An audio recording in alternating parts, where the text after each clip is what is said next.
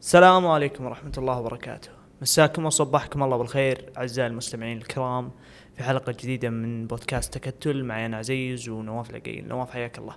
حياك الله عزيز. أهلا وسهلا. نواف آه، اليوم شفنا في حساب آه، في وسائل التواصل الاجتماعي اسمه زخم. ومجموعة من البودكاستات اللي انضم لها بودكاست تكتل. آه، تابع لمنصة زخم. ممكن تعطينا بريف أو مختصر أو فكرة عامة عن هالشيء هذا؟ هو قبل موقع التواصل الاجتماعي هو موجود في البودكاست. قبل. البودكاست هي قناة زخم اللي راح تضم خمس برامج إن شاء الله جديدة آه، راح تنطلق من الأسبوع هذا. نزلنا فيها حلقات التعريفية. كل بودكاست في حلقة تعريفية تشرح فكرة البودكاست. آه، إن شاء الله بيكون يعني المحتوى الصوتي عن في هذه الخمس البرامج أنا من وجهة نظري راح يكون كافي لأي شخص بيتابع جديد أخبار الدوري الإنجليزي ممتاز بشكل مستمر كاستماع وأنت عارف التوجه الكبير الموجود في في ابل بودكاست حرصنا بشكل كبير جدا إنه في زخم البرامج اللي تحت زخ زخم يكون الشخص أو ال- ال- ال- المدون في البودكاست أو اللي يسجل في البودكاست شخص متخصص ومطلع بشكل كبير جدا على جوانب معينة فبتحصل بودكاست في شخص معين في الجوانب الفنية في شخص ممتاز جدا في انتقاء الأخبار بتحصل بودكاست في أشخاص مشجعين يعني عندنا إحنا مشجعين يعني من 98 و97 يعني. يشجعون أندية في إنجلترا فهذا شيء آه، راح يميز برامجنا إن شاء الله وإن شاء الله راح يكون في آه، خطوات قادمة إن شاء الله تعجب الكل. بالنسبة لي مهم جدا إنك تتابعنا على تويتر لأنه كمان راح يكون في سبيسات على تويتر راح يكون في جديد البرامج بشكل مستمر على تويتر وان شاء الله تكون بداية خير بإذن الله. وبإذن الله إنهم يكونون على قد تطلعاتكم أعزائي المستمعين. آه نواف آه اليوم هالأسبوع تقريبا في إنجلترا ما كان فيه إلا مباراة واحدة أنا يعني مباراتين يعني عمليا بس هي مباراة واحدة هي مباراة آه playoffs في ال League One بس هذه الظاهر أنت لحالك شفتها صحيح؟ آه لكن آه، نهائي ال FA Cup بين آه، مانشستر سيتي ومانشستر يونايتد أو مانشستر يونايتد ومانشستر سيتي واللي آه انتهى بفوز آه مانشستر سيتي بنتيجة 2-1 بعد كم؟ 15 ثانية ولا 14 ثانية تسجل الأول. 13 13 ثانية. آه الكاي جوندوجان سجل هدفين وبرون سجل من ركله الجزاء. وشلون شفت المباراة؟ يعني الصراحة قبل المباراة كنت أسولف مع واحد من الشباب إنه إحنا من مدة ما شفنا نهائي كاس اتحاد إنجليزي بهذا الانتظار أو هذا الترقب إنه نتوقع تكون مباراة كبيرة في الملعب. يعني كانت آخر مباراة هي تشيلسي وآرسنال 2017 هي اللي كانت المباراة على مستوى عن فني عالي جدا في وقتها. من بعد النهائيات الصراحة كانت من طرف واحد أو تكون مباراة أقل بكثير من المستوى اللي كنا نتوقعه. آه، البداية صادمة. ك- يعني آه، صادمة جدا. يعني ما ما أتوقع في أحد تصور إنه السيتي من 13 ثانية ثانية يسجل يسجل هدف في النهائي. وعلى طاري هذا الهدف هو أسرع هدف في تاريخ النهائيات يعني آه، كأس اتحاد انجليزي في التاريخ. يعني كان أسرع هدف هدف لويس ساها مع إيفرتون ضد تشيلسي ال- 2009 أو 2010 اذا ما كنت غلطان كان هو أسرع هدف 29 ثانية. فمدة يعني الدبل آه، عن هدف آه، جوندوجان. لكن بشكل عام النهائي ما كان سيء زي ما أنا حاولت إني أشوفه في مواقع التواصل الاجتماعي. أنا عندي شعور إنه الناس ما كانت مستمتعة بشكل كبير في النهائي. من وجهة نظري النهائي كان ممتاز جدا على ال FA Cup هذا المستوى مستوى ممتاز على ال FA Cup ممكن ما تحصل مباراه بهذا المستوى. طول البطولة يعني آه، كانت مباراة حلوة. كان فيها يعني تقلبات آه، كان فيها شوي قرارات تحكيمية ما كانت يعني آه، موفقة. نهائي الصراحه بشكل عام هو مثالي. وفوز يعني نوعا ما مستحق للسيتي. أنا بالنسبة لي آه، يعني هي واحدة من مباريات مانشستر يونايتد الممتازة صحيح. في الفترة الأخيرة. لو بنجي نشوف آه، مان يونايتد خلينا نقول كان متوقع إنه يدخل بفريد وكاسيميرو وإريكسن وبرونو برضو في ال- في الجناح اليمين بحكم غياب آه، أنتوني وبحكم برضو غياب أنتوني مارسيال. فالنقطة هذه أجبرت إريك تنهاخ أنه يلعب ببرونو في الجهة اليمين لكن الفكرة اللي دخل فيها إريك تنهاخ تحديدا في عملية إيقاف آه، ثنائية آه، رودري وستونز. اللي أنا ما عندي إحصائية دقيقة قبل لا ندخل الحلقة لكن أنا متأكد أنها من أقل المباريات اللي هم الثنائي هذا المسوا فيها. صحيح. المسوا فيها الكرة في في مباراة واحدة آه، في في في يعني هذا الموسم تحديدا من بعد ما شاركوا هم مع بعض. وبنجي نشوف برضو آه، بال- بال- بالرباعي اللي كان واقف آه، ضد رباعي مانشستر سيتي اللي كانوا آه، قلب الدفاع الأيسر ال- آه، ودياز أكانجي ودياز وكايل ووكر. وبرضو ستيفن أورتيغا آه، هالنقطة هذه أجبرت مانشستر سيتي أنه يروح أو يحاول أنه يلعب كرة طويلة على طرف الملعب سواء كان رياض محرز أو جاك جريليش. وكان النقطة هذه يونايتد كان فيها كويس في الثنائيات من ناحية أنه ممكن يكسب الكرة من آه، من آه، رياض محرز أو جاك جريليش عن طريق آرون وان بيساكا القوي جدا في هالحالة وكذلك لوك شو اللي عنده امتياز برضه في هالحالة. آه، ف- فيونايتد للأمانة أحسن في هذه النقطة وبرضه أحسن في نقطة معينة اللي هو يونايتد لما يدخل مبارياته بشكل سيء بالعادة ضد الفرق ال- ال- ضد الفرق الكبيرة أو حتى بشكل عام يعني من تحديدا من الموسم الماضي آه، موسم 21 22 لما يونايتد يدخل المباريات بشكل سيء بالعادة يعني يونايتد يلقى صعوبة لأن يرجع في المباراة. صحيح. فهذه النقطة أنا بالنسبة لي إنه يونايتد قدر يعدي أول سبعة ثمان دقائق بعد الهدف بالنسبة لي كانت نقطة مهمة جدا وحساسة. وهذه نقطة ممكن توريك مؤشر ممتاز على النقطة اللي آه، لما تدخل شخصيات كبيرة وتكلمنا عنها في البودكاست أكثر من مرة زي لاعب يعني قيمة كاسيميرو لما يكون موجود عندك في أرض الملعب فهو يعطيك نقلة كبيرة في هالجانب هذا. لكن النقطة أو أو خلينا نقول لك ال- النقطة اللي ممكن تكتيكيا كانت ضارة لمانشستر يونايتد آه، كانت خلينا نقول لك إمكانيات فردية لكن برضو هالإمكانيات الفردية بتأثر على الفكرة اللي أنت بتلعب فيها. يعني لو جينا نشوف مثلا الطريقة اللي كان يضغط فيها مانشستر سيتي على مانشستر يونايتد لما تكون الكرة مع مانشستر يونايتد في الثلث الأول ديفيد دخية تكون عنده الكرة. مم. لما تكون الكرة عند ديفيد دخية ف دي بروين بيضغط على آه، قلب الدفاع الأيسر اللي هو كان آه، ليندلوف. وبرضو إيرلينج هالاند كان بيضغط على رافائيل فاران. صحيح. اللاعبين وسط الملعب في مانشستر سيتي اللي هم كانوا جون ستونز و آه، وبرناردو سيلفا كانوا بيضغطون على لاعبي وسط يونايتد سواء كانوا فريد أو كاسيميرو. وأطراف الملعب راح تكون ضاغطة على أطراف الملعب. فبالتالي بيبقى أربعة ضد أربعة. بيبقى أربعة ضد أربعة اللي هم آه، برونو وإريكسن برونو وإريكسن وراشفورد وجيدن سانشو والرباعي مانشستر سيتي المتبقي أو لاعبين مانشستر سيتي المتبقين لو بنجي نشوف مانشستر يونايتد. مانشستر يونايتد ممكن حاول إنه يتدرج بالكرة أكثر من مرة ويحاول إنه يكسر خط ضغط مانشستر سيتي وممكن نجح في حالتين أو ثلاث حالات يعني ما أتذكر بالضبط. لكن لو بتشوف مانشستر يونايتد حاول إنه يلعب تقريبا ما لا يقل عن 30 كرة طويلة في الشوط. الأول أو على على مجمل المباراة. لو قلت لك عدد الكرات الطويلة الناجحة اللي ممكن تتوقعها في هذه الحالات لما يكون يونايتد يحاول يبني في الثلث الأول كم تتوقع كرة طويلة ناجحة نواف؟ ممكن تسعة. ثمان كور طويلة.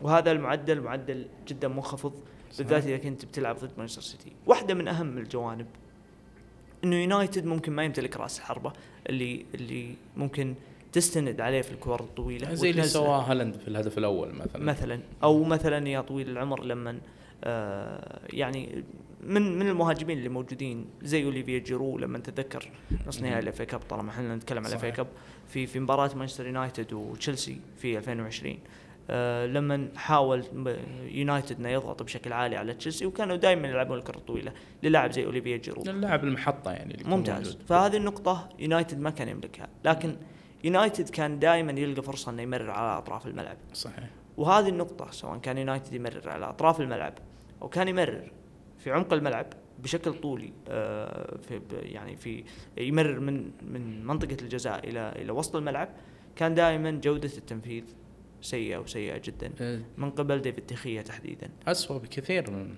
أنا أنا جودة. أنا ما راح أتكلم على الهدفين. الهدف الأول ممكن يعني كرة مباغتة لكن تحديدا الهدف الثاني. الهدف الثاني نسبة تصدي آه، واحد من واحد من محللي أداء الحراس آه، المعروفين في إنجلترا. آه، ما يحضرني اسمه حاليا. وكان دائما يتعاون معه جيمي كاراجر ومحللي سكاي في في عملية تحليل أداء الحراس تحديدا. تكلم عن الهدف الثاني إنه نسبة تصدي الحراس لهدف إلكاي جندوجان هي 81% صحيح. حراس البريمير ليج أنا اتكلم عن مستوى حراس البريمير ليج.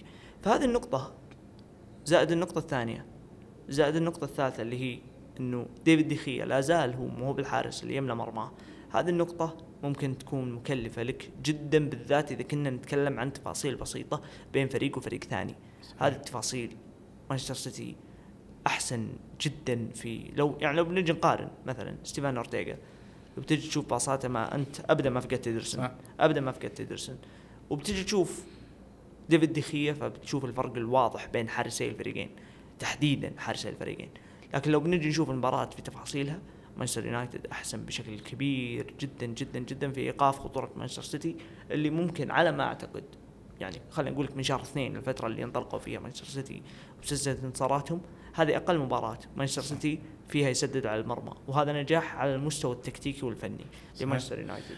في نقطة زي خليني قبل لا أجي على دخية في شيء مر كان مرة مهم في هذا الموضوع هو موضوع ردة فعل مانشستر يونايتد بعد الهدف بعد 13 ثانية.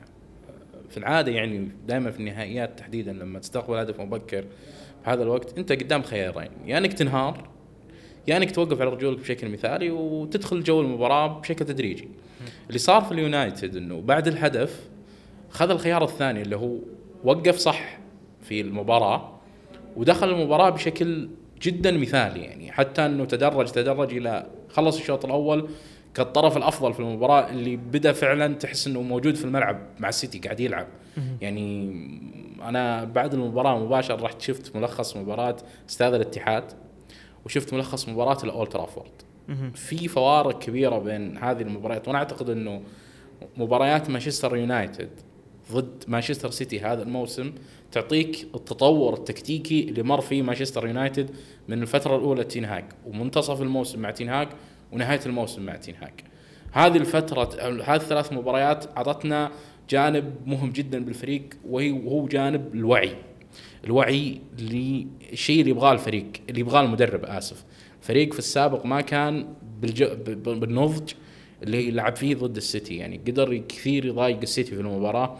آه، بدون كرة نتكلم مو بس موضوع إنك تاخذ الكرة حتى بدون كرة أنت كنت واقف صح بشكل ممتاز. لكن دائما الشيء ما يكمل. يعني أنت كان عندك حارس مرمى مخت يعني ب level أقل بكثير من المجموعة. يعني حتى أنا أشوفه إنه أقل من الدوري الآن. يعني مخاطرة جدا انت تدخل فيه السنة الجاية كحارس أساسي يعني في اليونايتد. حارس كلفك هدف في الشوط الثاني. الهدف الأول مباغت لكن ما هو دخية هذا. هذا ما هو دخية اللي نعرفه عزيز. دخية الهدف الأول هذا يسده بالراحة. دخية قبل ثلاث أربع مواسم الهدف الأول ما يدخل عليه. الهدف الأول دخية بيسوي لك التصدي الأسطوري هذا اللي ما تتوقع من الحارس. اللي طلعت الكورة من الزاوية البعيدة اللي سواها ضد تشيلسي مثلا في مرة من المرات اللي صدها باليد اليمنى والكورة ملعوبة بالزاوية اليسرى. آه، فاول اخوان ماتا مثلا. فدخية عنده عنده هذه التصديات الممتازة. بس السنة هذه دخية مرة وصل لنقطة آه، تحت الصفر مع مانشستر يونايتد. كلف الفريق كل شيء. آه، حتى سبحان الله يعني يجيك إحساس وأنت قاعد تتابع المباراة. إنه كل ما أمسك دخيل الكورة لاعبين السيتي يرتاحون. يرتاحون يعني آه، بزيادة. لد- لدرجه لا لا لا لدرجة إنه أنا إذا ضغطت وأغلقت مسار التمرير كانوا دائما هم ما يضغطون على ديفيد دخيه بالمناسبة. هم كانوا يغلقون مسار التمرير ويقولون له يلا ألعب. صح صح. لأني أنا أثق أو هو مثلا كلاعب مانشستر سيتي أعتقد إنه يثق إنه الكرة هذه راح يكسبها بسبب إنه ديفيد دخيه جودته في التمرير ما هي عالية وبرضه يثق بقدرة مدافعيه على أنه بيكسب الكرة الأولى وبرضه. هم بيثقون على قدرتهم بكسب الكرة الثانية وهذه فهذه مشكلة النقطة فهذه النقطة تحديدا هذه النقطة تحديدا بتخليني أتكلم لآخر مرة في بودكاست تكتل هنا على موضوع ديفيد دخية. ابى أوضح النقطة هذه للمرة الأخيرة. نواف أنا باعتقادي باعتقادي موضوع ديفيد دخية آه، من الناحية المالية آه، لأن إحنا بنتكلم فيه ب- بكافة تفاصيلها. لو بنتكلم من ناحية مالية تكلفة ديفيد دخية إذا هو بيستلم كم بيستلم ديفيد دخية إذا إذا جدد عقده؟ ممكن 200 أو 100 180 150 أنا بقول مثلا 250 مم. إذا كان هو بيستلم 250 ألف pound في الأسبوع تجديد عقده الجديد فمعناته على الأقل على الأقل هو بيستلم حدود ال 13 مليون pound. صحيح. هذا أعلى راتب في الدوري. حتى. وهو مجدد حتى وهو نازل تقريبا حدود الخمسة أو 6 مليون pound. بعقده الجديد. وهو عقد لمدة سنتين. عقد ديفيد دخية بدون أي إضافات بدون أي آه، مكافآت بدون بند الولاء راح يكون 14 مليون pound في السنة. ال 14 مليون pound في السنة هي التكلفة الحقيقية للاعب اللعيبة. لما أنا أنا كنادي أجي أحسب اللاعب هذا أنا ما أجي والله العظيم أحسب راتبه وانتهي ولا أجي والله العظيم أشوف أنا شريته ب 100 مليون ولا أنا شريته والله العظيم ب 10 مليون. مم. ممكن لاعب مجاني تكلفته أعلى من تكلفة لاعب قيمته 150 مليون باوند صحيح. هذه النقطة لما نحن نجي نشوف الحراس اللي موجودين اليوم في ل- لازم نعرف شغلة. ما فيه مركز اليوم في الكورة مطلوب منه شغلة واحدة بس. صح. يعني اليوم مثلا خلينا نقول لاعب الوسط اللي بس يفتك كورة. هذا اللاعب مطلوب اليوم في الكورة. صح. المهاجم اللي بس يسجل. بس يسجل. هذا المهاجم مو مطلوب في الكورة. لو بنجي نشوف صانع اللعب اللي بس يمرر تمريرات أمامية يصنع فيها اللعب. هذا مو مطلوب اليوم في الكورة.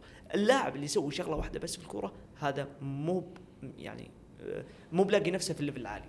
خلينا خلينا خلينا نتفق بهذه وخلينا نقولها بالطريقة هذه. ديفيد دخيا هل هو ممرر ممتاز؟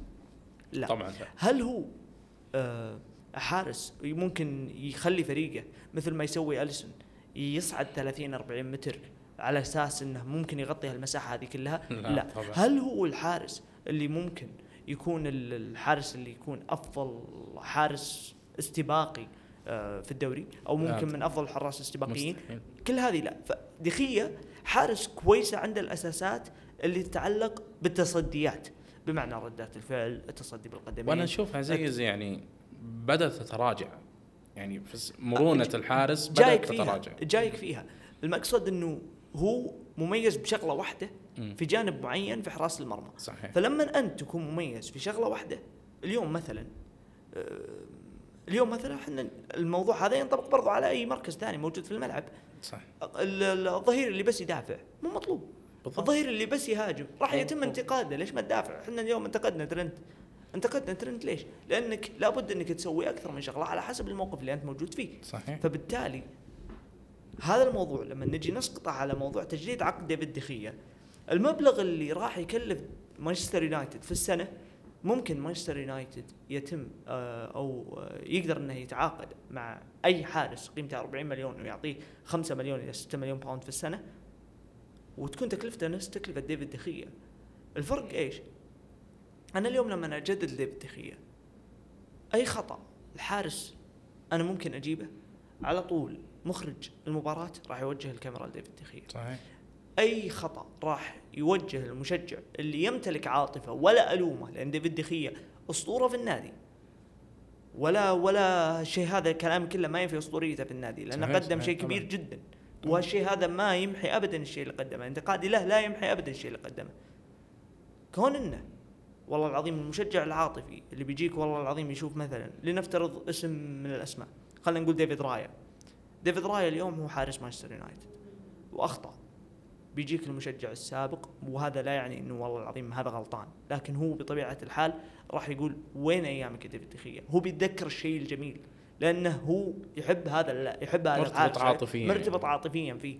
فبالتالي لما أنت تشوف من الشخص هذا وأول انطباع لك يكون ما هو انطباع كويس بطبيعة الحال أنت الحارس هذا ممكن يمشي سنة وسنتين وثلاث إلى ما يغير الصورة النمطية حقته.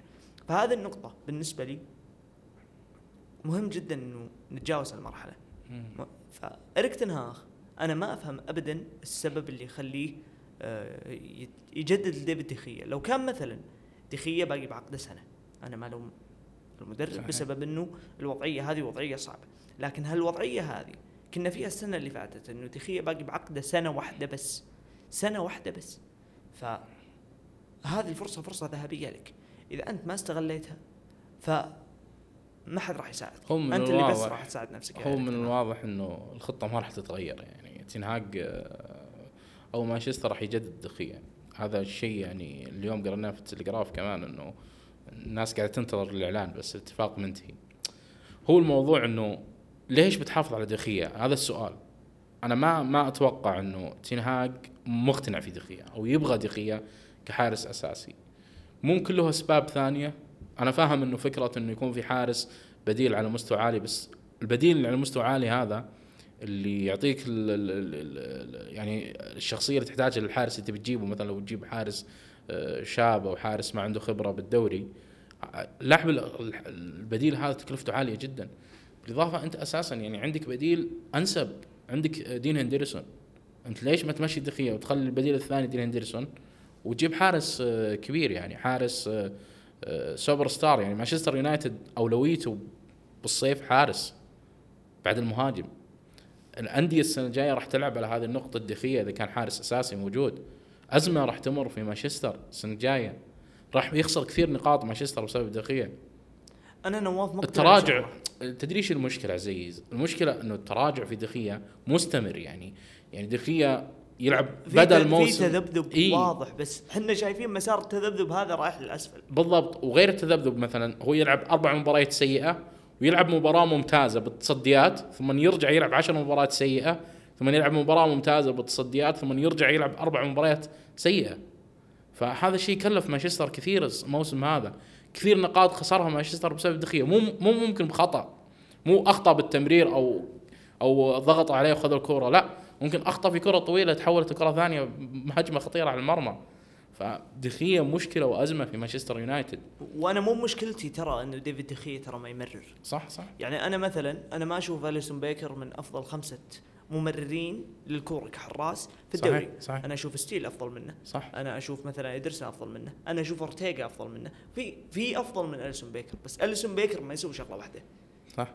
آه تيبو كورتوا أفضل حارس في العالم عند الكثير. تيبو كورتوا ما يسوي شغلة واحدة. صح. تيبو كورتوا مو مو مميز بقدمه. صحيح. شوف وبنفس ال... وبنفس الوقت وبنفس صح. الوقت إدرسون الأساسيات عنده. ممكن تكون ستة ونص سبعة من عشرة. بس يسوي أكثر من شغلة. يسوي شغلتين أو ثلاث. لو بنجي نشوف أي حارس اليوم مم. أي حارس level عالي. وتكلمنا إحنا عن موضوع الحراس أكثر من مرة. لكن النقطة المهمة اللي أنا بر... برجع لها بشكل مهم. أنا ما أذكر في أوروبا في آخر عشرة سنوات باستثناء فترة كلاوديو برافو وتيرشتيجن في موسم 14 15 مع برشلونة أنا ما أتذكر إنه تجربة الحارسين اللي يتنافسون على خانة واحدة نجحت. صحيح. أريولا وتراب صارت في مشاكل بينهم الاثنين. صحيح. كورتوا ونافاس صارت في مشاكل بينهم الاثنين. دين هندرسون ودخية صارت مشاكل بينهم الاثنين. صحيح. نافاس ود- ودوناروما صارت مشاكل بينهم الاثنين. أنا ما أتذكر صارت آه، في آه، يعني تجربة ناجحة غير تجربة آه، آه، تيرشتيجن وحتى برضو آه، لوبيز وكاسياس. ف وكثير من التجارب تجارب نافاس وكاسياس وأكثر من تجربة. ال- المقصد في كلامي إنه هذه النقطة ليش ليش الحراس ليش الحراس مهم جدا عندهم؟ موضوع إنه أنا أعرف إني أنا الحارس الأساسي. لأن الثقة فعليا لأن هم يحتاجون يركزون في أوقات كثيرة. فبالتالي صح. الصفاء الذهني في اتخاذ القرار مهم جدا جدا جدا. صحيح. فهذا الموضوع بيأثر على أدائك وبيأثر على القرارات اللي أنت قاعد طب هل. ممكن عزيز خطة تنهاج إنه أنا ما أجيب حارس أصلا الصيف هذا؟ هذه كارثة. هذه كارثة. هل يعني هل تتخيل إنه بيسويها يعني؟ لأنه أنا الحين أنا أحاول إني أبرر قرار التجديد الدخية. هل تنهاج يرى إنه في إمكانية لبقاء دخية لموسم إضافي كحارس أساسي؟ هل ممكن يطور في أشياء في دخيه رغم إنه صعب جدا يعني يشتغل على هذا الجانب بال- بالصيف. صعب مرة دخيه يتحول الحارس فجأة يعرف يلعب بالقدمين أو يعرف يلعب. الموضوع الموضوع غريب. الموضوع يعني ما هو مفهوم إلى الآن إنه ليش أنت راح تجدد عقد دخية. جاتك فرصة ذهبية بالوقت الحالي ولا قلتها سابقا عزيز إنه كانت الوداعية في الأولد ترافورد آخر مباراة كانت وداعية مثالية لدخية. انت راح تتوج كبطل وقتها أصلا. راح. تودع ال- الملعب كبطل. كنت ماخذ قفاز ذهبي وكنت وكنت وكنت. ليش ليش التجديد؟ ليش البقاء؟ أنا ما ألوم دخية فيها. أنا دخية ما دخية لا الوم يلام. واحد في المية. دخية لا يلام لما تجي- دخية ما جاك وطق باب مكتبك وقال لك اعطني العقد. صح يعني أنا ما ألوم في دخية. دخية يعني دخيه عرض عليه 250 ألف تعال اجلس معنا زيادة. حياكم الله. أنا بقعد مو معكم وأنا مستعد اقعد طول عمري هنا. إيش المشكلة فيها؟ الكلام ليش النادي قرر هذا؟ القرار قرار غريب. إلى الآن قرار غريب. ما هو مفهوم بالنسبة لي. ما هو يعني مكتمل الصورة. ممكن يكون فكرة تنهاج الاقرب إنه ما يوقع مع حارس مرمى إنه يرجع دين هندرسون وجدد دخيا ويجلس على هذه الثنائية الموسم الجاي يقعد ينافس بينهم على مركز الحراسه الأساسية أنا ما أشوف دين هندرسون في النادي بالمناسبة أنا عندي إحساس إنه ممكن يقعد أنا ما أشوفه في النادي لكن إن كان في حارسين السنة الجاية فهذه يعني خلينا نقول لك صح؟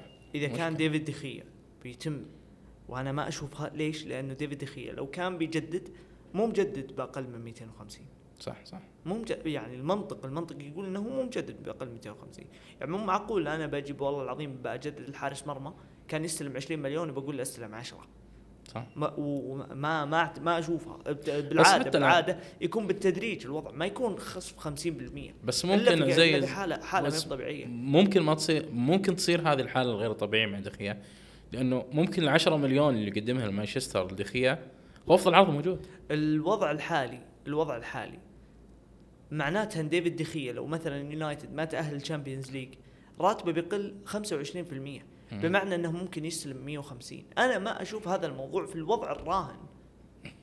أنا ما أشوف الوضع الراهن. يعني السنة الجاية مانشستر يونايتد في الشامبيونز ليج معناته إذا أنت بتعطيه 200 في الوضع الحالي فأنت بتعطيه 250 السنة الجاية. هي هي فهذا بيعني إنه هو أعلى حارس يستلم راتب في الدوري بدون أي نوع من أنواع المكافآت. صراحة آه، هي آه، بالنسبة لي أنا ما أشوف ابدا حارس يستلم أعلى راتب في الدوري من ناحية ال- ال- النظر لحراس المرمى ويكون حارس احتياطي. صح. إذا في أحد يسمعني هالحين ويقول والله العظيم لا في فرصة أتمنى يقنعني فيها لعلي أقتنع.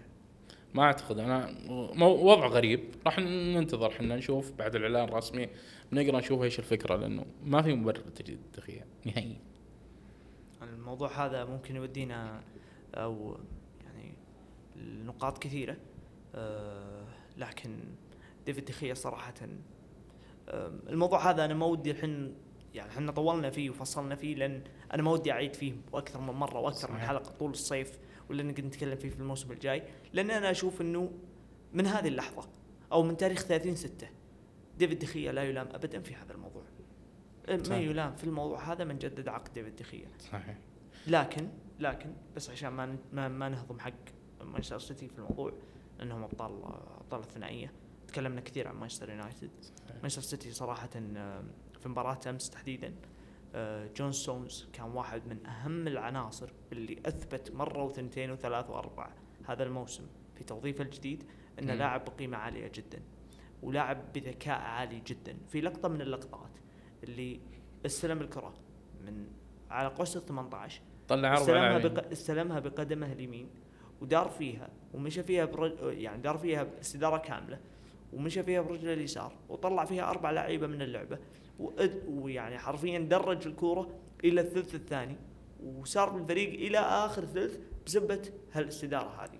اللاعب هذا بالتوظيف هذا جالس يقدم مستويات خيالية جدا. حتى في الفترة اللي مانشستر سيتي كان فيها مميز كان دائما جون ستونز هو اللي يعطي الزيادة في في في أنصاف المساحات وكان دائما هو اللي آه يشكل النقطة اللي ممكن مانشستر سيتي يعتمد فيها ويكون اللاعب الفارق في وسط المساحة. هذه اللي كان دائما فيها لعيبة يونايتد يراقبون لعيبة مانشستر سيتي وكانوا دائما متقاربين فيها في الخطوط. فكان دائما جون ستونز هو اللي يخلق الفوضى في تكتل مانشستر. يونايتد. حتى تواجد الصراحة زي يعني تواجد روبن دياز وستونز في موضوع الكرة الطويلة دائما للسيتي. قاعد يصنع فارق كبير لصالح السيتي مع رودري. هذا الثلاثي صعب جدا تكسب آه، منهم كرة هوائية. يعني أنا قاعد أفكر في نهائي دوري الأبطال إنه كيف الإنتر راح يتعامل في موضوع اللعب الطويل. يعني الإنتر صعب جدا يتدرج بالكورة. طول المباراة بيضطر الانتر في فترة من فترات المباراة يلعب كرات طويلة كثيرة.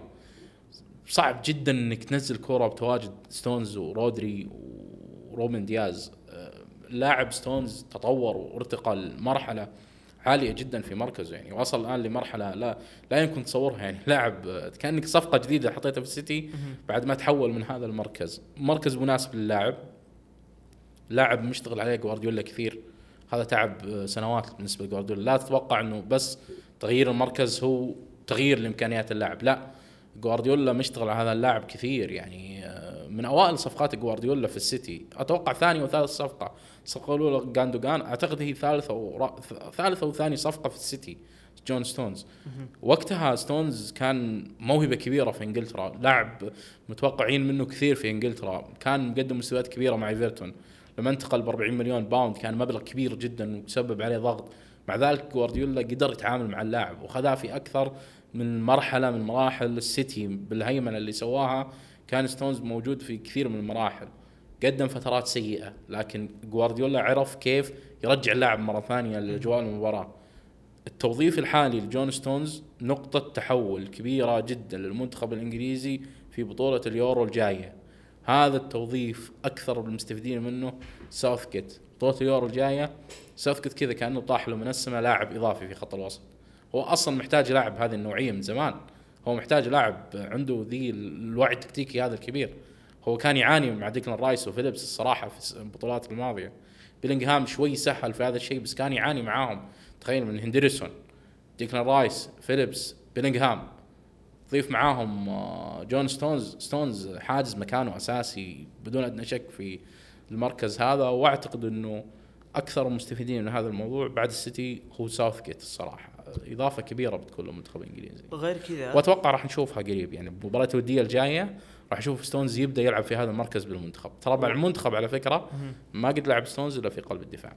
وارد جدا آه لكن مستحيل نعدي هالحلقة بدون ما نتكلم عن الكاي جوندوجان. طبعا. اللي حرفيا كان لاعب دائما على قدر الحدث. صحيح. وكان دائما موجود في كل أو مو في كل في معظم اللحظات الحاسمة اللي مانشستر سيتي ممكن يحتاجها فيها كان دائما موجود وهذه قيمة اللاعب الكبير. وكان دائما يعطي الشخصية اللي اللي ممكن يحتاجها أي أي فريق من أي لاعب قيادي حرفيا. جون ستونز أو عفوا الكاي جوندوجان في اللحظة اللي ممكن غادر فيها فرناندينيو وغادر فيها كومباني وغادر فيها أكثر من نجم في مانشستر سيتي آه، ممكن البعض كان عنده بعض التحفظات على موضوع القيادة اللي هي من اللي بيكون قائد في في غرفة تبديل ملابس مانشستر سيتي. آه، ممكن روبن دياز أعطى الجانب هذا أعطى جانب التعويض هذا. لكن فعليا اللي قاعد يورينا إياه الكاي جوندوجان أسبوع ورا أسبوع جولة ورا جولة من أو خلينا نقول مباراة ورا مباراة. جالس يورينا قيمه لا تقدر بالشكل اللي تستحقه اطلاقا. أنا أكاد أجزم. وهذا الموضوع لا يقلل ابدا من حجم مانشستر سيتي. لكن مانشستر سيتي في كل الجوانب يعني أخذ قفزات نوعية كبيرة إلا من الناحية الإعلامية. أنا أجزم. لو كان الكاي جوندوجان يلعب في أحد الأندية الإعلامية اللي اللي ممكن تقول أكبر من مانشستر سيتي من الناحية الإعلامية أو لو كانت جنسيته جنسية إنجليزية لأخذ ثناء كبير جدا جدا جدا ولأدخل في مصاف اللاعبين الأفضل في العالم في مركزه بدون أدنى شك. يمكن هالكلام هذا عزيزي المستمع تعتبر إنه مبالغة. ممكن إنك تعتبره تطبيل ممكن إنك تعتبره أي نوع من أنواع الكلام هذا لكن مو ابدا الكاي جوندوجان لأنه سجل هدفين أنا قاعد أمدحه. الكاي جوندوجان حرفيا في اللحظة اللي كان فيها يقدم مستويات ممتازة كانوا يقولون الكاي جوندوجان ما كان يقدم ابدا مستوى كويس. الكاي جوندوجان واحد من أكثر ثلاثة لاعبين في مانشستر سيتي هذا الموسم ثباتا في المستوى وفي الجودة. الجودة العالية اللي اللي يقدمها الكاي الكاي جوندوجان في كل مباراة صعب جدا تلقاها اليوم في العالم. لاعب استثنائي زي لاعب آه، آه، نرجع نقول جوارديولا هو السبب الرئيسي باللي وصل له جاندوجان للمستوى الحالي يعني آه، التوظيف الحالي اللي يلعب فيه جاندوجان داخل أرضية الملعب شخصيته الكبيرة الشخصية القيادية اللي قاعد تطغى في أرضية الملعب اللي لما ينزل في الملعب جاندوجان فعلا تشعر إن قدامك لاعب بمعنى الكلمة قائد يعني السيتي آه، بيغامر كثير الصراحة إذا ما جدد لجاندوجان. لو لو بنجي نتكلم لو بنجي نتكلم الكاي جوندوجان هداف؟ في في في سنة صح. 21 كان صح. هداف مانشستر سيتي. صحيح. زيادته في المنطقة ما هي طبيعية. لاعب بالرأسيات عنده زيادة ما هي طبيعيه لو بنجي نتكلم عنه من ناحية المراوغة والمراوغة مو معناتها إنك أنت والله العظيم تسوي مراوح. لا لا لا. المراوغة إنك أنت عندك وقت وعندك مساحة وتلعب على آه توازن خصمك. ممتاز؟ وين تحرك الكرة ومتى؟ هذه النقطة عند الكاي جوندوجان ممتازة جدا. صحيح. تحكمه بالكرة من أعلى ما يكون. صناعته للعب ممتازة جدا. وش اللي ممكن ينقص الكاي جوندوجان الكاي جوندوجان ما ينقص أي شيء إنه يتصنف مع اللعيبة النخبة. حاليا حاليا حاليا اللي موجودين في وسط الملعب. طبعا بس السيتي ما عنده إعلام. شكرا لك. السيتي ما في إعلام. هذه مشكلة السيتي الأزلية طب اللي- بيجيك واحد يقول طيب إيرلينج هالاند. هالاند شوي مختلف الموضوع يعني. مم. قبل لا يجي السيتي كان مهيئ إنه يكون نجم إعلامي في كرة القدم يعني. دائما كان يربط في مبابي كان مم. يربط. واساسا هالاند كمان رابطة الدوري الإنجليزي ممتاز. حابة إنه يكون هالاند آه، سوبر ستار أو star عالمي. لو تلاحظ إنه حسابات مواقع التواصل الاجتماعي رابطه الدوري الانجليزي الممتاز الرسمية دائما تحاول يعني تعطي هالاند محتوى مختلف في كل شيء يعني. طوال الموسم وأعتقد إنه هذا المسار راح يستمر بتواجد هالاند. وهذا شيء طبيعي طبعا بحكم إنه هالاند أعلى شوي يعني ك brand كعلامة تجارية كا كا كا أعلى من جوندوجان. لكن محليا زي السيتي عنده مشكلة إعلامية كبيرة يعني. السيتي اعلاميا داخليا داخل بريطانيا ما هو قوي بالإعلام البريطاني. لسه ال- ال- ال- ال- النادي لا زال يعاني من هذه المشكلة. جاك جريليتش شوي ساعدهم في موضوع السوبر آه، ال super star وموضوع اللاعب دعائي داخل بريطانيا لكن لا زال السيتي يعاني. أنت تتكلم لما تيجي أنت تسيطر عشر سنوات في أندية قبلك عندها ارث إرث كبير جدا 70 80 سنة. فيها إعلاميين فيها فيها وسائل إعلام يعني متعمقين فيها. فصعب جدا تأثر فيها. إعلام ايفرتون داخل بريطانيا أقوى من إعلام السيتي. ايفرتون عنده إعلام أقوى بكثير. فلسه السيتي يحتاج وقت عشان يطلع لهذا الشيء. شوف الصراحة يعني أنا أمس قاعد أقرأ مقال جون بيرسي جميل جدا. كان يتكلم عن العملاق النائم. كان كان هذا الموضوع جواب على موضوع وش النادي اللي لو في استثمار جديد في هذا النادي هو اللي راح يكون عملاق قائم جديد. كان الجواب على برمنغهام سيتي. تعرف ليش يا عزيز؟ ليش؟ نادي برمنغهام سيتي أو مدينة برمنغهام هي ثاني أكبر مدينة موجودة في بريطانيا. خلاص بعد لندن برمنغهام كعدد سكان. هذه المدينة فيها إعلام منقسم قسمين برمنغهام وأستون فيلا. حلوين. انت لما تشتري ببرمنغهام انت شريت اعلام كامل مع النادي. انت شريت نادي عملاق. كان يعني تائه. زي اللي قاعد يصير الآن مع أستون فيلا. السيتي لما جو الإماراتيين شروا السيتي سيتي ولا شيء في المدينة. ولا شيء بالنسبة للإعلام الإنجليزي. ولا شيء يعني. حتى إعلام محلي ما يقدر ينافس فيه السيتي. إعلام محلي السيتي ما هو قوي فيه. فما بالك في الإعلام ال- على مستوى بريطانيا. هذه مشكلة بيعاني منها السيتي سنوات وتحتاج وقت عشان يرجع يسيطر فيها. لكن أنا عندي توقع وتصور. فوز السيتي بدوري الأبطال هو اللي أو خسارته هو راح يحدد بقاء واستمرار جوندوجان لأسباب شخصية للاعب ما هي لأسباب يعني أخرى. أنا أعتقد إنه اللاعب على الطاولة قدامه عرض ضخم. أنا أعتقد و... وعنده حلم إنه يلعب في كأس العالم ويفوز بدوري الأبطال ويفوز بهذه. فهو إذا فاز بدوري الأبطال راح يكمل سنة مع السيتي. إذا ما فاز بدوري الأبطال عنده عرض ضخم على الطاولة. هذه هذه شفرة. عاد انت آه، وفهمك يا ممتاز. آه، خلنا بس آه، يعني نروح لنقطة ثانية. خلنا بس نتكلم بشكل سريع عن سلتك الياباني. إيه. خلنا نروح في واحدة من النقاط المهمة اللي كانت موجودة في في الفقرات اللي هي سلتك الياباني. صحيح. وش ممكن نتكلم عنه في سلتك الياباني نواف؟ الصراحة هذا أكثر نادي يمكن يجينا عليه استفسارات في الفترة الماضية خاصة أنه يعني بعد ما يحسم الدوري ودائما سلتك ما حد يهتم فيه إلا لما يحسم الدوري ويتأهل لدوري الأبطال. لكن بالنسبة لي شخصيا أنا معتبره نادي إنجليزي فدائما تابعه أمس فازوا بالتريبل آه، اللي هي الثلاثية المحلية للمرة الثامنة في تاريخهم. عندهم مرة رباعية اللي فازوا فيها مع دوري الأبطال. آه، النادي قبل أربع ثلاث سنوات لما رجع رينجرز مع جيرارد بمشروع قوي جدا كان النادي في مرحلة انهيار بعد سيطرة وهيمنة لمدة ثمان سنوات على بطولة الدوري. كان الفريق والنادي كله ككل مو بس يعني اللاعبين حتى المجلس الإدارة وكل شيء كان في مرحلة تشبع في مرحلة تحتاج تغيير كبير جدا تحتاج فلسفة جديدة جدا تدخل في النادي ترد- تطلع النادي للمقدمة. بجانب هذا الشيء بجانب هذا الشيء منح منحت اسكتلندا مقعد مباشر في دوري الأبطال. اسكتلندا سابقا كانت بطل يلعب ملحق فكان موضوع المشاركة بدوري الأبطال ما هو مضمون.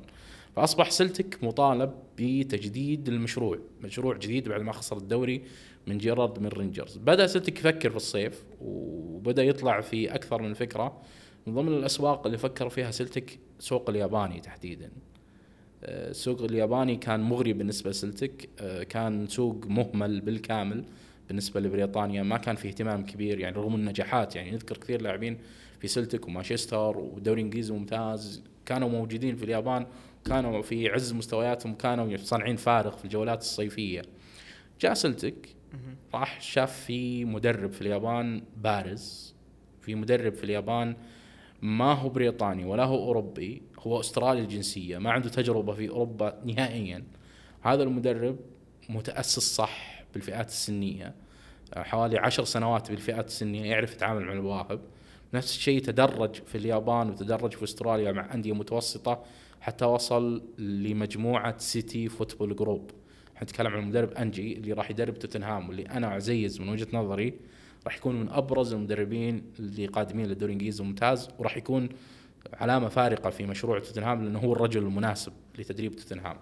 هذا المدرب تم تعيينه. بعد تعيين المدرب وقع سلتك مع ست لاعبين يابانيين. بس دقيقة لأن الاسم هذا بيكون أصعب اسم صحيح. ينطق السنة الجاية صحيح. في ال Premier League صحيح؟ اسمه أنجي بوستيكوغلو بالضبط. لازم لازم هو. استرالي الجنسية آه، ما درب نهائيا في أوروبا قبل لا يجي سلتك كانت تجربته كلها مع منتخب استراليا فاز معهم في كأس آسيا وصل معهم لكأس العالم حقق نجاحات مع المنتخب الاسترالي قبلها درب أندية في استراليا ونجح معاها كان بارز بالنسبة لل City Football Group ك كمدرب يعرف يتعامل مع المواهب خذوا المدرب Football City Group وعينوه في نادي آه، يوكوهاما مارينوس اللي هو النادي الياباني المملوك لمجموعة City Football Group قعد معهم سنتين على ما أعتقد ونجح في هذا النادي في إدارة المواهب الموجودة. جاء سلتك خذ هذا المدرب عينه طبعا تعيين مدرب جديد على الكرة الاسكتلنديه بشكل عام أو بالكرة البريطانية شيء يثير الجدل.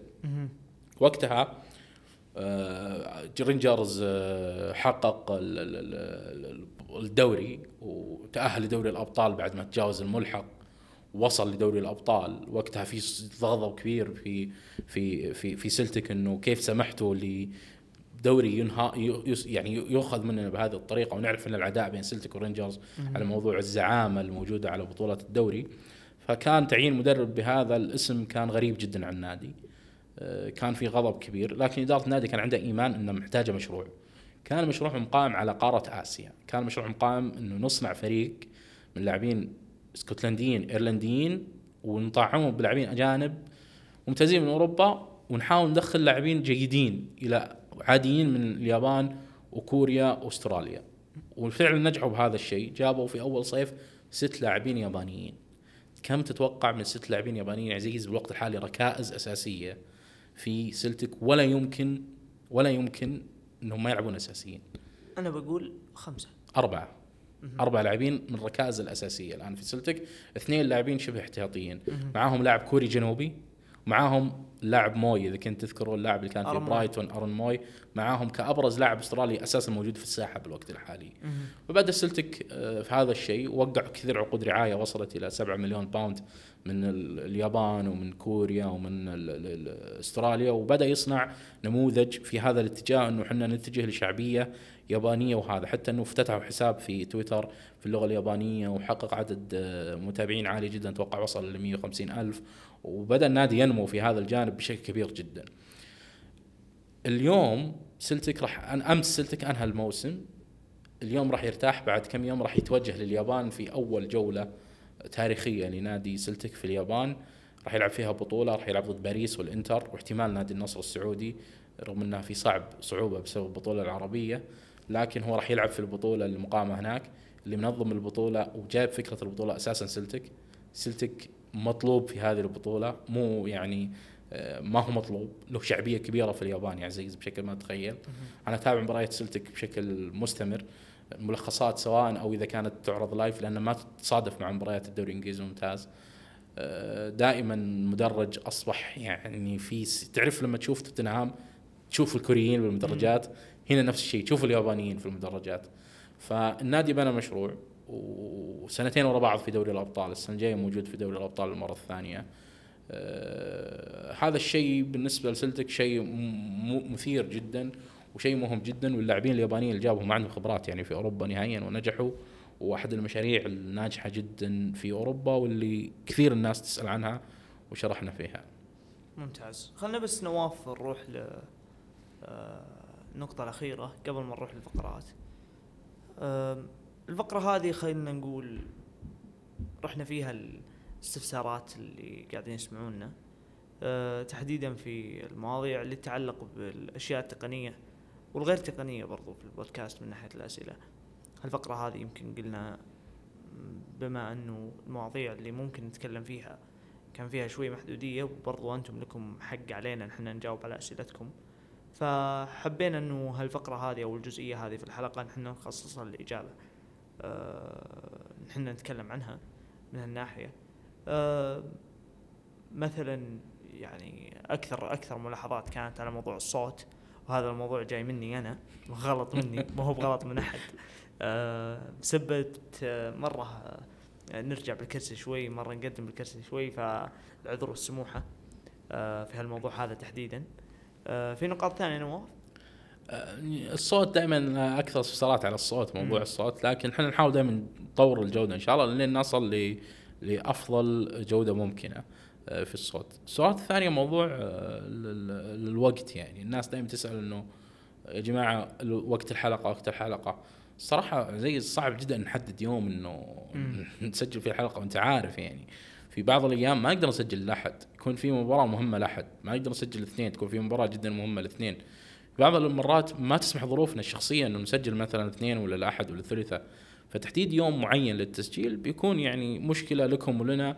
فالأفضل إنه نخليها مفتوحة لها انه بشكل أسبوعي يكون موجود حلقة نازلة بإذن الله. وهذا الأهم صراحة يعني. صحيح. على ما أعتقد دخلنا الحلقة 18 أو الحلقة 19 بالضبط. بإذن الله يعني إحنا مكملين فيها. آه، مكملين فيها الاستدامة وبإذن الله نحن معكم طول الصيف الجاي.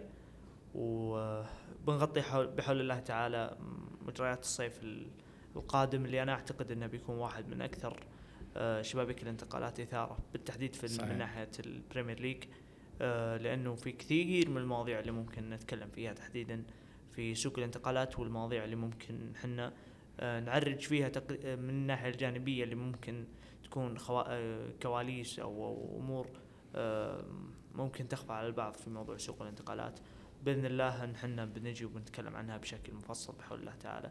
آه، نروح الفقرات. روح الفقرات. آه، من كان نجمك الأسبوع؟ طبعا ما في غيره. كاي جندوجان كان دقان ممتاز. يستاهل. وأعتقد إن كاي جندوجان آه، يمكن هاي ثالث مرة أنا أختاره في نجم أنا أول. مرة. ثالث مرة الظاهر. أو أو ثاني أو ثالث مرة أنا أختار كاي. دبش الأسبوع متفقين فيه؟ طبعا. هذه برضو ثالث مرة نختار ديفيد دي خيا في في في, في دبش الأسبوع. آه، يؤلمني هالموضوع هذا بس عاد يعني لازم نكون حقانيين مع الناس. آه، خلينا ندخل فقرة توقعات. آه، ما عندنا إلا مباراة واحدة تقريبا.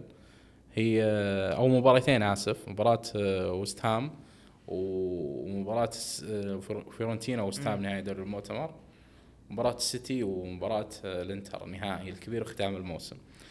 المباراة الأولى الصراحة عزيز يعني وست هام كنادي ديفيد مويس كمدرب يستاهلون البطولة. آه، ديفيد مويس مسيرته كلها ما فاز ولا ببطولة بعيد عن الدرع الخيرية. آه، أنا أتوقع المباراة هذه وست هام بيذبح فيها يعني على إنه يفوز بالبطولة وأعتقد تنتهي يمكن 2 1 أعتقد برضو العمل اللي قدموه طوال السنتين أو الثلاث الماضية يعني معظم الأندية من ناحية ليفربول حقق بطولات. صح. من ناحية يعني باستثناء توتنهام حتى توتنهام في الثلاث سنين الماضية أنا ما مقتنع صراحة بالعمل الكبير. يعني نتكلم من ناحية مشروع ومن ناحية القفزة اللي أخذوها. لكن لما نتكلم مو بس عن ليستر- الجوانب الفنية. أه، بغض النظر أتكلم مشروع كامل. إيه؟ ال- لو بنشوف مثلا نادي ليستر سيتي أخذ بطولتين مانشستر سيتي حدث ولا حرج ليفربول كذلك. ولو بنجي نشوف أرسنال كذلك من 2020 آه، لو بنجي نقيسها كفترة كاملة فهم أخذوا بطولة آه، مانشستر يونايتد كذلك. نادي وستهام أنا بالنسبة لي واحدة من المشاريع اللي تستحق فعلا إن صحيح. آه، التاريخ يخلدها وما ينساها. تحديدا في بطولة مثل هالبطولة هذه اللي أنا أعتبر إنها فرصة لا يمكن تعويضها ابدا. ال Europa League أنت بتقابل خصم ممكن يكون في مستواك أو ممكن تكون أعلى منه أو ممكن يكون أعلى منك، لكن الفكرة في الموضوع إنه هذه المباراة تحديدا ممكن تخلد تاريخ، التاريخ هذا ما ينسى جمهور وستهام. لما نتكلم صح. على ذهاب لربع النهائي أو نصف نهائي ال Europa League والسنة اللي بعدها تروح إلى نص نص النهائي وثم تروح للنهائي ال Conference League هذا أنا ما أعتقد إنها آه، يعني مشوار سهل ابدا الفوز في البطولة يا عزيز معناته سنة جديدة تحت قيادة مويس بالمشاركة الأوروبية هذا بحد ذاته بالنسبة لنادي مثل وست هام النادي اللي ما كان يعني منتظم بالمشاركات الأوروبية هو إنجاز نادي وست هام النادي ككل يستاهل البطولة. ديفيد. مويس كمدرب أنا من وجهة نظري يستحق يستحق كمسيرة يعني مر فيها في كل التقلبات اللي مر فيها. إيفرتون حاول كثير يعني يفوز معاهم بطولة ما نجح. يستحق ديفيد مويس يفوز ببطولة مثل هذه البطولة. مباراة منتظرة مباراة كبيرة ولا ننسى كمان انها مباراة توديع لملاك وستهام الحاليين في آخر مباراة لهم بملكية النادي بعد قبل انتقالها للمستثمر التشيكي بتكون لحظة عاطفية بالنسبة لجمهور وستهام لأنه آه، الملاك هم اللي- عادوا النادي للطريق الصحيح هم اللي أعطوا النادي الحجم الكبير اللي هم موجودين فيه هم اللي نقلوه لملعب أكبر لإيرادات أكثر. اشتغلوا على النادي كثير صح اخطوا في البدايات لكن مع الخطأ دائما يعلم هم كانوا يتعلمون بسرعة. حتى وصلوا لما وصلوا إليه والبطولة الصراحة يستحقها وستهام توقعاتك؟ أتوقع قلت لك 2-1 أو 2-0 لوستهام أنا أتوقع وستهام بيفوز. أنا ما متابع أستون فيلا آه أستون فيلا. أنا مو متابع لفيورنتينا آه لكن أعتقد إن آه وستهام أعتقد الحافز ممكن يكون آه أكبر عندهم من هالناحية هذه. آه على فكرة قبل نطلع من هذه المباراة تدري إن الفوز بالبطولة كمان مهم لمانشستر يونايتد ومهم لأرسنال مهم لتشيلسي ومهم لنيوكاسل؟ بسبة التصنيف الأوروبي بسبة السنة الجاية. السنة الجاية راح يكون في بالضبط. خمسة أندية موجودة في ال Champions League على الأرجح. إذا قدر نادي كذا إذا فاز إذا فاز الحين إسبانيا راح تلعب السنة الجاية بزايد نادي بعد تأهل إشبيليا لدوري الأبطال. آه، عفوا إسبانيا راح تزيد نادي طبعا راح يكون عندها ثمان مشاركين بالمسابقات الأوروبية. الآن أنت عندك فرصة إنك تعادل إسبانيا في فوز وستهام بهذه البطولة. بيكون عندك ثمان أندية مشاركه في البطولات الأوروبية. كل النتائج في المسابقات الأوروبية تعتبر حسبة واحدة. ما في فرق بين دوري الأبطال ودوري المؤتمر الأوروبي. ففوز وستهام في هذه البطولة راح يعطي الأندية الإنجليزية فرصة أكبر وفارق كبير جدا في نتائج دور المجموعات. ممكن الست مباريات هذه في دور المجموعات اللي لعبها وستهام السهله جدا اللي إذا فاز بثلاث ولا أربع حتى كمان إشبيليا اللي راح يلعب دور المجموعات ممكن سهل أو النادي اللي راح يلعب في دوري المؤتمر سهل. هذه المباريات بس الثلاثة ممكن تصير هي الفارق لتأهل المركز الخامس للدوري الإنجليزي الممتاز. السنة الحالية لو الآن في هذا النظام الخامس في الدوري الإنجليزي الممتاز راح يتأهل لدوري الأبطال. الموسم الماضي هذا النظام لو كان موجود الدوري الإنجليزي راح يتأهل لدوري الأبطال. التأهل وستهام من مصلحة الأندية هذه وراح يعطي فرصة أكبر للإنجليز والإسبان أنهم يتواجدون السنة الجاية بخمس أندية في دوري الأبطال. ممتاز. خلنا بس نروح للمباراة ال- الأكبر في أوروبا كلها صحيح. اللي هي مباراة آه، مانشستر سيتي وإنتر ميلان نهائي دوري الأبطال في إسطنبول. آه، نتكلم عنها بشكل بسيط. مانشستر سيتي أنا بالنسبة لي هذا الفريق يعني ورانا بما لا يدع مجال للشك أنه لو حقق الثلاثية فهو يستحقها بشكل كامل بشكل كبير. وفريق استثنائي وتكلمنا كثير عن مانشستر سيتي وعن أحقية مانشستر سيتي وأن هالفترة هذه أنا بالنسبة لي آه، تحديدا في كرة القدم العالمية من من 2018 إذا كان في فريق ثابت يعني بدأ عن غيره فهو مانشستر سيتي. آه، لو حققها أنا يعني عاطفيا كمشجع لمانشستر يونايتد أنا ما راح أكون سعيد أبدا لكن هالفريق هذا أنا أعتقد أنه هو أقرب فريق ممكن يوريك آه، الكمال الكروي اللي ممكن تشكله من كافة النواحي من الناحية من النواحي الفنية ومن النواحي الإدارية ومن النواحي النجومية ومن كل النواحي. آه، أنا آه، يعني إنتر ميلان أنا ما متابع له بشكل جيد هذا الموسم. آه، الأمانة أنا ما متابع جيد للدوري الإيطالي هذا الموسم تحديدا. لكن آه، ما أقدر أعطي توقع أو مثلا تصور عن الجانب الفني اللي ممكن يطلع أو يدخل فيه إنتر ميلان في في, المباراة. لكن أنا أعتقد إنه أي خصم ممكن يقابل مانشستر سيتي راح يكون هو آه، الاقل ترشيحا ضد مانشستر سيتي. آه، يعني هذه النقطة تخلينا نتوقع مع الأسف أنه سيتي ممكن يتأهل أو يتأهل ممكن يفوز بكذا البطولة دوري الأبطال. وهذا الشيء ممكن يخليه يتأهل إلى كأس العالم للأندية في المملكة العربية السعودية. أبى أرجعها. إيه. طيب. آه، هو شوف عزيز لو في فريق واحد في أوروبا يستاهل ويستحق الفوز بدوري أبطال أوروبا حاليا الآن هو نادي مانشستر سيتي. آه، نهائي الأبطال صعب جدا تجزم في موضوع مين راح يفوز بالنهائي أو مين أقرب للنهائي. دائما أنا أنا يعني عندي قناعة إنه دوري الأبطال 50 50 لأنه خلاص اللاعب يعرف أساسا. أنت ما تحتاج تهيئ أصلا اللاعب نفسيا، اللاعب يعرف إنه هذه المباراة هي أهم مباراة في مسيرته. يعني مباراة يعني لا يمكن إنها تتكرر بالنسبة لكل اللاعبين الموجودين في الإنتر الآن. يعني لاعب لاعبين بس ممكن يرجع بنفس هذه النقطة. الإنتر راح يلعب مباراة يعني بأكبر قدر ممكن من ال ال ال يعني الإمكانيات اللي عندهم بيحاولون يبرزونها بيحاولون يحطونها في الملعب يحاولون يلعبون كل شيء موجود عندهم لتصعيب أي مهمة أو خطف أي هدف للسيتي. بالنسبة لي أنا أنتظر شيء واحد في هذه المباراة. أنا أنتظر ليلة إيقونية لهالاند. هالاند كنت الدوره في ليلة أنا لا زلت أنتظر. أنا شوف على فكرة هالاند ضد بايرن ميونخ لعب بشكل ممتاز. هو لعب بشكل ممتاز إيه. بس الليلة بس الليلة, الليلة اللي أنا أقصدها الأيقونية إلى الآن ما وصلت.